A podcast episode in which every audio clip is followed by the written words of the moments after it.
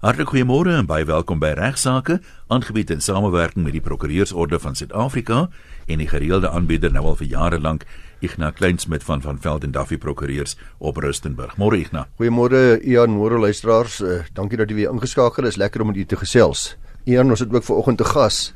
Hy wil uh, vir my bekend lyk. Ja nee, hy's al 'n uh, bekende hierso op uh, RSG en uh, Volker Kreer, baie welkom Volker. Volker is 'n spesialis kommersiële reg prokureur daar van uh, Rustenburg van Bevel en Duffy en uh, Volker het ook die uh, voorreg om gereeld vir boere op te tree.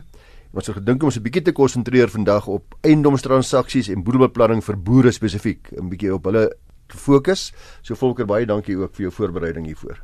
Dankie Ignas, môre, môre Jan, môre luisteraars. Ja, Jan, ek het 'n hele klompie navrae oor die afgelope klompie jare bymekaar gemaak en dit so 'n bietjie saamgeskep en uitgesorteer en 'n klompie werklike vrae wat ek te vandag vir Volker wil vra. Volker sê net maar Piet boer met makadamia neute en skape daar in die Noord-Kaap. Uh hierdie is 'n baie van hierdie is is werklike gevalle wat ons in die kantoor raak geloop het. Hy is nie ver van Koereman af nie. In 'n mynmaatskappy wil 'n nuwe mangaanmyn daar op sy grond begin. Hulle wil eers natuurlik prospekteerwerk doen om seker te maak dat die mangaanreserwes daar die moeite werd is, dat dit ekonomies gemyn kan word. Piet het gehoor dat hy nie vergoeding kan eis vir minerale vir minerale regte meer nie. Nou nou die eerste vraag is is hy reg? Hy het ook gehoor dat alles nou aan die staat behoort en hy ook nie huur kan vereis as hulle die plaas sou betree nie. Nou is al die hoorsê storieetjies wat hy gehoor het die waarheid. Ja, ek nou ek dink hy's reg om te aanvaar dat hy geen vergoeding van nog die mynmaatskappy, nog die staat sal kan eis vir die onteiening van die minerale regte. Eh, daar's wel 'n paar uitsonderings, maar die algemene reël is dat die boer onder sulke omstandighede geen eis op grond van onteiening het nie. Die relevante wetgewing is die Minerals and Petroleum Resources Development Act, die MPRDA, en daar's verskeie hofsaake waarin die howe bevestig het dat dat die dat dit die posisie is. Met ander woorde dat Piet ja. onder sulke omstandighede geen vergoeding vir onteiening vir die minerale regte sal kan eis nie. En dan die huurgeld volker? Ja, wat die huurgeld aanbetref, dink ek is uh, Piet verkeerd die beginsels ten opsigte van oppervlakregte het eintlik nie veel verander met die nuwe wetgewing nie. Hy sal dus wel huurgeld kan beding en 'n uh, vergoeding vir die gebruik van die oppervlakregte kan eis. Gewoonlik wat die prospekteerwerk aanbetref, is daar redelike klein bedrae vergoeding te sprake aangesien die mynmaatskappy nie lank op die eiendom gaan hoef te wees vir die prospekteerwerk nie. Maar wat die mynaktiwiteite aanbetref, is daar gewoonlik langer tydperke te sprake en sal jy natuurlik daarvoor dan huurgeld kan eis sodat die mynmaatskappy die oppervlakte kan gebruik as dit inderdaad vir die spesifieke mynaktiwiteite nodig is om die oppervlakte te gebruik. Maar kan hy weier? Jy vra dit van ja, hy kan oor een kom van hy kan met hulle beding, maar as dit nou nie werk nie. Hy kan nie botweg weier nie. Daar's wel meganismes in die wet waar volgens die mynmaatskappy hom op die einde dag van die einde van die dag sal kan dwing om wel sy samewerking te gee, maar solank hy op 'n redelike basis beding kan hy inderdaad huurgeld eis vir die gebruik van die oppervlakte. Maar wat kan hy doen? Kan hy enigiets doen om te keer dat daar op sy plaas geprospekteer word uh, of dan uiteindelik gemyn word dat dat die regte toegestaan word? Kan hy opineer? Ja, ek vind dit is redelik moeilik om dit te keer veral uh wat prospekteerpermitte aan betref. Hy kan wel seker maak dat die mynmaatskappy die regte proses volg soos wat in die wet voorgeskryf is. Byvoorbeeld moet daar omgewingsimpakstudies gedoen word. Hy moet uh, natuurlik deurlopend in kennis gestel word as grondeienaar van die proses wat gevolg word. Hy kan besware aanteken en die besluitnemers moet daai besware in ag neem. Maar op die einde op die einde egter as die mynmaatskappy aan alle vereistes uh, voldoen het, sal hy nie regtig die uh, aansoek kan keer nie, sal die aansoek toegestaan word. In gevolge die nuwe bedeling is die staat dis die voog van alle minerale regte. So is nie meer soos vroeër die geval was waar die grondeienaar die minerale regte besit het. Nou is die staat die voog van die minerale regte en kan die staat besluit of dit toegestaan moet word aan uh, mynmaatskappy of nie. As jy sê voog, dan is dit 'n ander mooi woord vir eienaar, nê? Nee. Ja, behalwe dat die eiendomsreg as sulks nou nie setel in die staat nie. Ja. Die staat is die voog, so die staat gaan nie sonder meer self myn nie. Die uh, staat het die bevoegdheid om te besluit wie kry 'n prospekteerpermit en wie kry 'n mynpermit. Meneer Skutte, kom ons sê net maar Gert, hy uh, boer daar naby Lichtenburg. Hy's vir BTW geregistreer. Nou verkoop hy die huis wat hulle het in die dorp aan Lichtenburg wat hy op 'n stadium net as 'n belegging aangeskaf het. Uh nou hy verkoop daai huis vir 850 000 rand. Dis die feite in die sy geval. Die vraag volker is gaan hy BTW op die transaksie van die dorpshuis moet betaal? Ja, ek na my mening nie.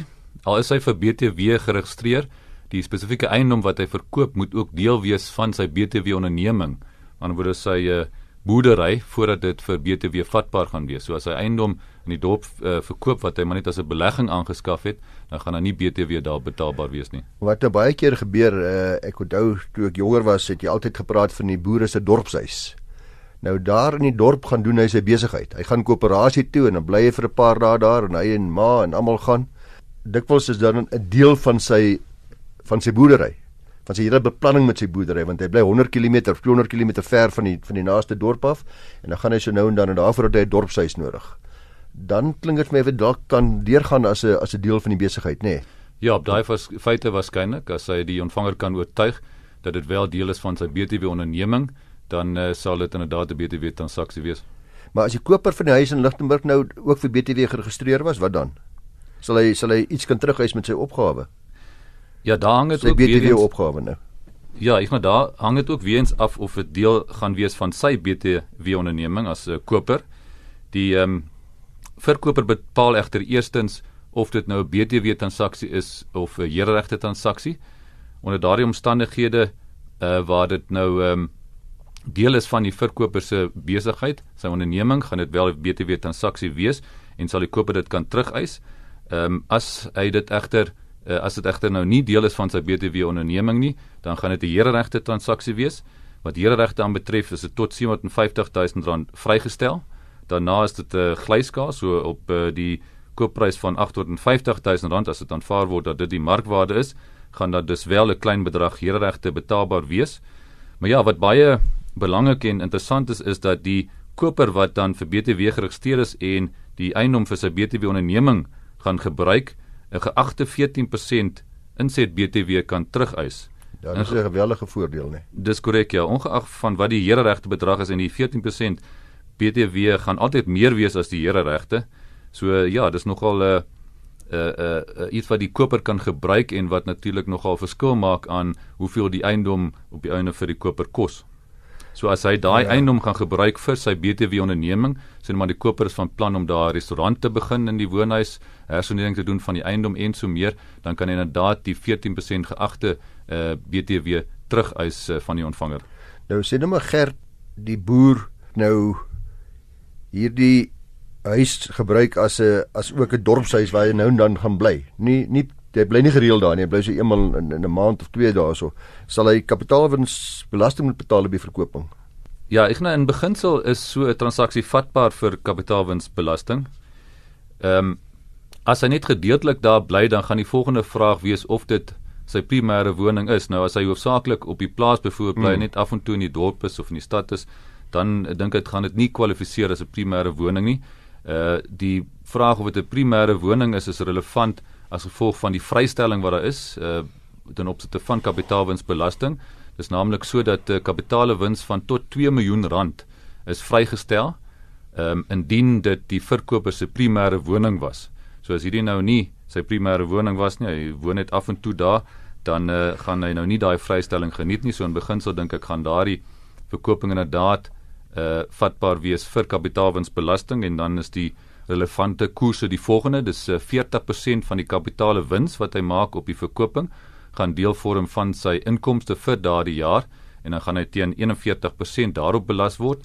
En as my sommetjies reg is is sy effektiewe koers uh, wel as hy as hy op die maksimum inkomste belastingkoers is van 41% as my sommetjies reg is gaan die effektiewe koers dan 16.4% wees op die kapitale wins wat uh, Gert gaan moet betaal Ja, soos ons almal weet, Ian, die Mielieboere daar in Ligteburg het net een plaas, hulle baie plase.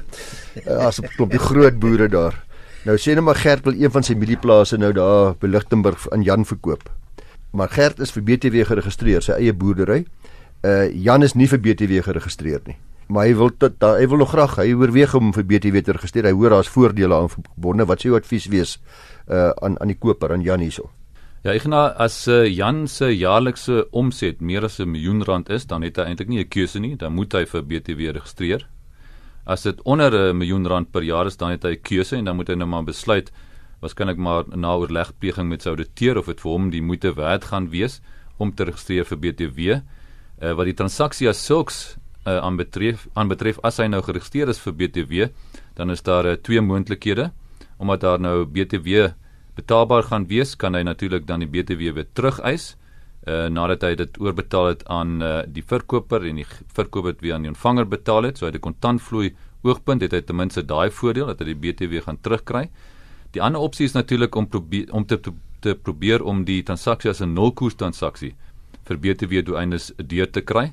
Nou dit gaan uh, Jan net reg kry as aan die volgende vereistes voldoen word die verkoop en die koper moet geregistreer wees uh, wat natuurlik nou die geval gaan wees as uh, Jan nou ook registreer. Gerdus moet in elk geval geregistreer. En dan die ander belangrike vereiste is dat dit 'n lopende saak moet wees. Dit beteken dat Jan ook die boerdery op die plaas moet oorneem as 'n inkomste verdienende entiteit uh, vanaf Gerd. Uh, en dit moet 'n boerdery wees wat afsonderlike bestaan kan maak. So um, normaalweg sou mens dan ooreenkom dat die koper ook die trekkers, die masjinerie, die werkers en alles wat deel is van die boerdery oorneem en dan uit 'n belastingoogpunt is dit nou nogal vo, vo, uh, voordelig. Daar gaan dan geen BTW uh, eh, betaalbaar wees nie as gevolg van die nulkoers wat van toepassing is en daar is in elk geval ook nie hereregte betaalbaar nie. So dit uh, maak dit dan baie meer bekostigbaar vir Jan as koper. So Ian Volker, boere daar wat luister, uh, ek dink ons besef nou al almal dis 'n ingewikkelde situasie. Ou moet maar wanneer 'n mens koop verkoop uh, moet mens maar liefs jou ouditeur en jou prokureur gaan spreek en spesifiek ook maar 'n eienaarsreg prokureur wat spesialiseer in jou gebied want mens kan groot geld spaar as jy jou beplanning reg doen met die hele transaksie. Ja, die omgekeerde daarvan natuurlik is dit kan jou groot geld kos as jy nie jou beplanning ja. reg doen nie, maar dis 'n dis 'n baie goeie punt wat jy daar maak want ek het al met mense wat hulle vingers verbrand het deur nie behoorlik te beplan nie. Dit voel altyd vir hulle dis so skielik, jy weet, Hier sê ja. hulle nou ek moet BTW betaal of ek moet uh, kapitaalwinsbelasting betaal. Nou dis weet ouens dis om amper of die boere 'n droogte sien hulle aankom, jy weet, hulle sien hier kom moeilikheid. maar hierdie goed slaat jou oornag sommer net so. Ja. As jy laat ingeskakel het, ons ateljee gas is Volker Kreer en Ignas Kleinsmid is besig om met hom te gesels oor 'n wye verskeidenheid kwessies ten opsigte van eiendomstransaksies wat vir boere belangrik is. Ja, dankie Ian, ons het nou gehoor by Volker dat uh Gert Skutter daar van Ligtemer sy plaas verkoop en in Jan en hy daarna ook uit op 'n stadium ook eh, sy dorpshuis verkoop uh, maar nou volker in die transaksie van die plaas verkoop aan Jan wil Jan nou wat Jan het ook huis in Ventersdorp. Nou vra hy vir Gert, hoorie man, kan jy nie asseblief die huis vat as 'n deel van die transaksieprys nie? Is dit is seker nie 'n probleem nie.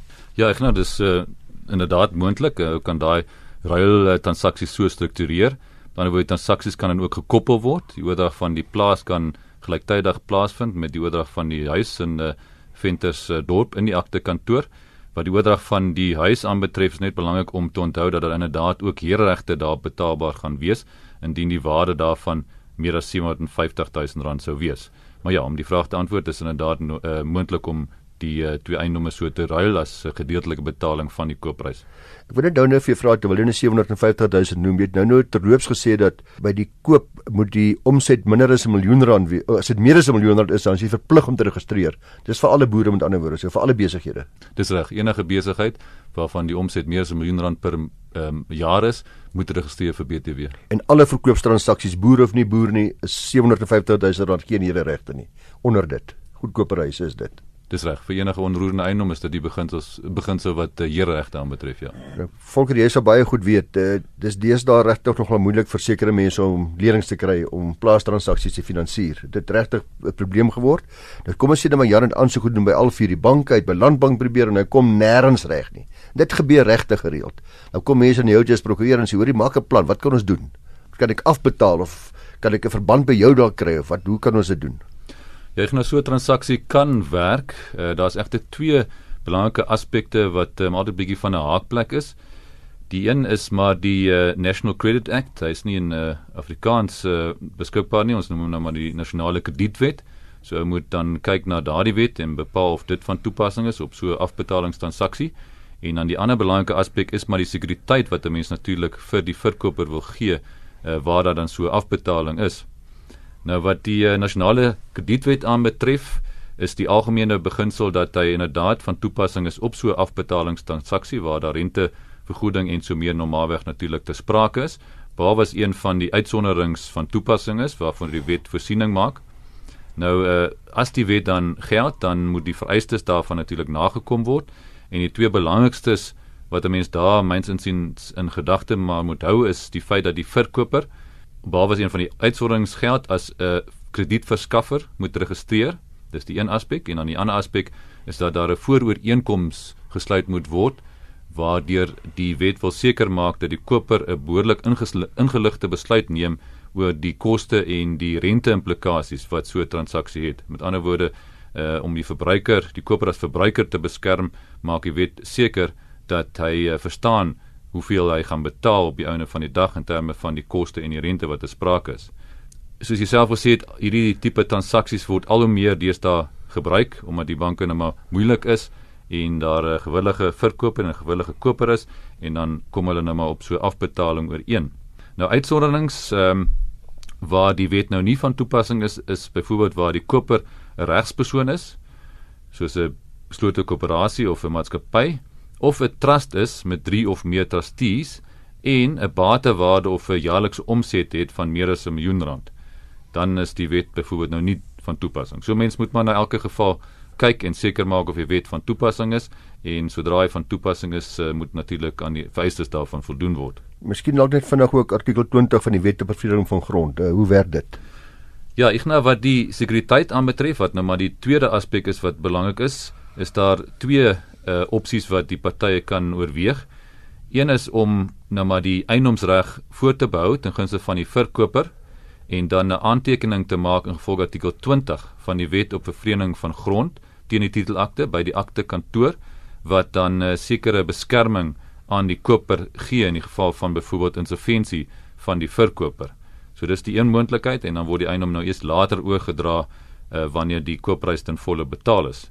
Die ander opsie is om byvoorbeeld te werk met 'n deposito wat die koper betaal net soos soos wat die bank ook normaalweg 'n deposito sou vereis en dan die eiendom dadelik oor te dra aan die koper en saam met die oordrag van die eiendom 'n verband te registreer as 'n uh, sekuriteit vir die verkoper. So die verkoper is ehm um, uh, beskerm hy die verband wat hy kan oproep oproep indien die koper nie sou betaal nie en die uh, koper is ook beskerm omdat hy dadelik nou die eienaar word van die eiendom.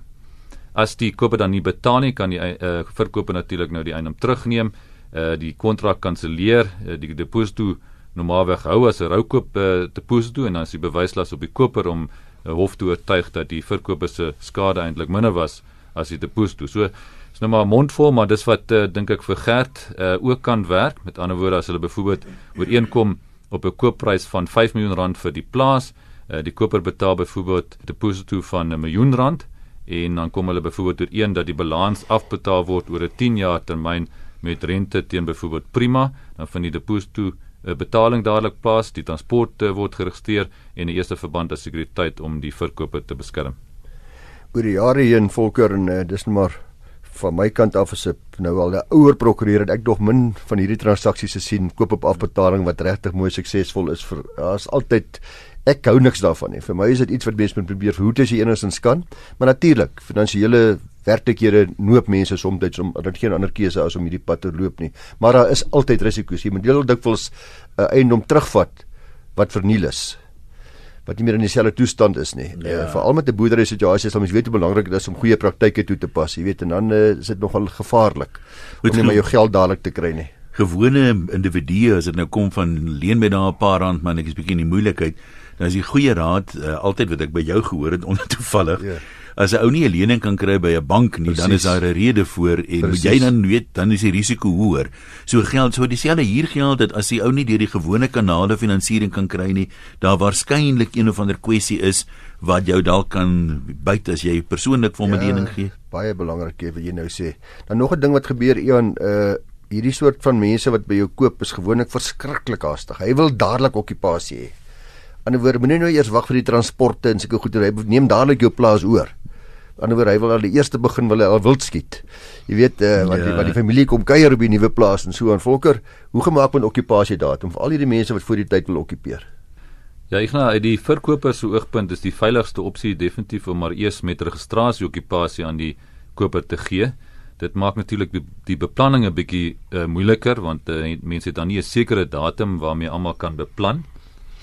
Ehm um, 'n ander opsie is om ten minste te wag dat die koper sy lening gekry het en die deposito uh, betaal het en dat die waarborge dalk in plek is, dan is die risiko soveel kleiner dat hy iets kan uh, skeefloop want uh, ja, die probleem bly maar altyd as die koper dan later nie bestee nie en hy klag okkupeer en hy weier om te trek dan moet mense hofaansoek bring vir 'n uitsettingsbevel wat met kostes en vertragings gepaard gaan.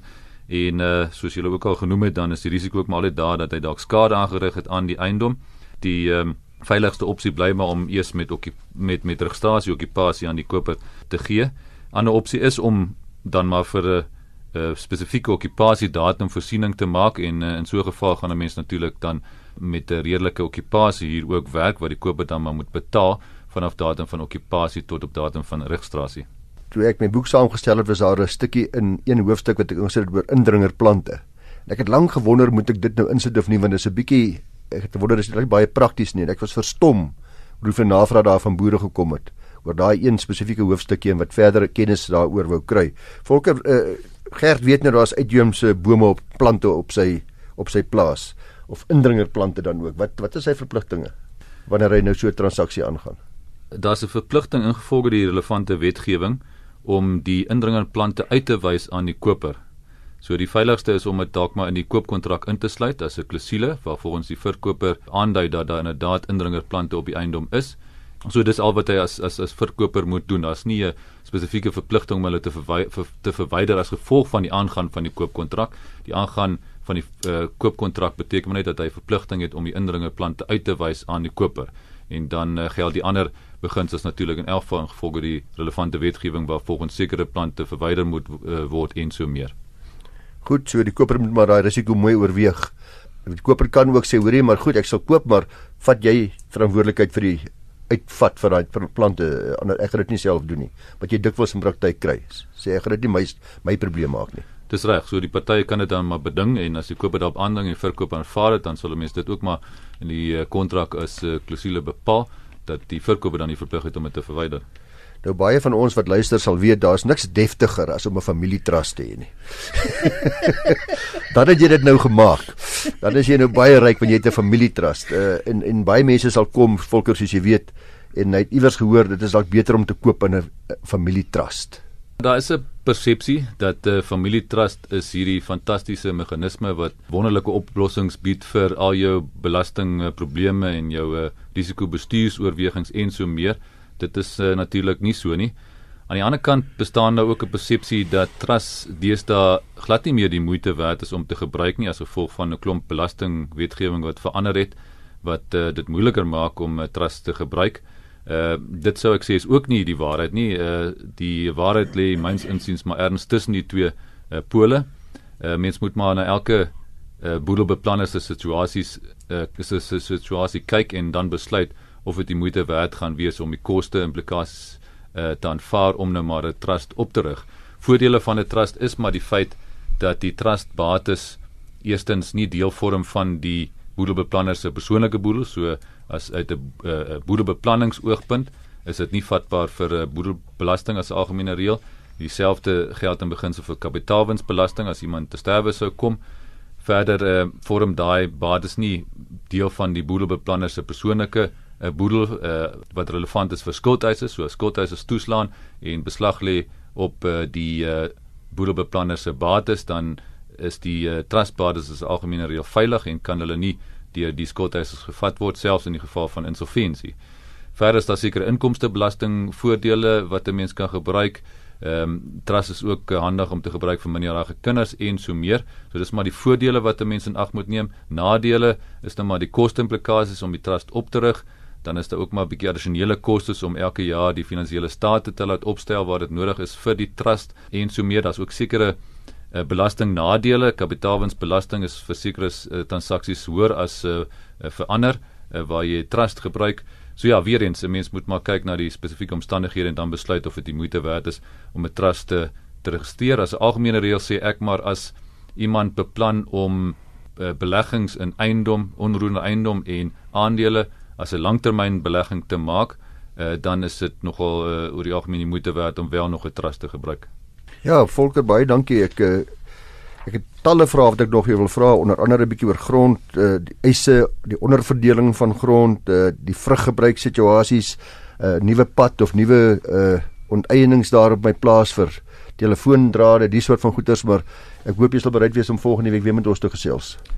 Dankie, ek doen dit graag. Nou maar kom ons maak so 'n sien uit na volgende week se regsaake. Dis dan eers al vir vandag.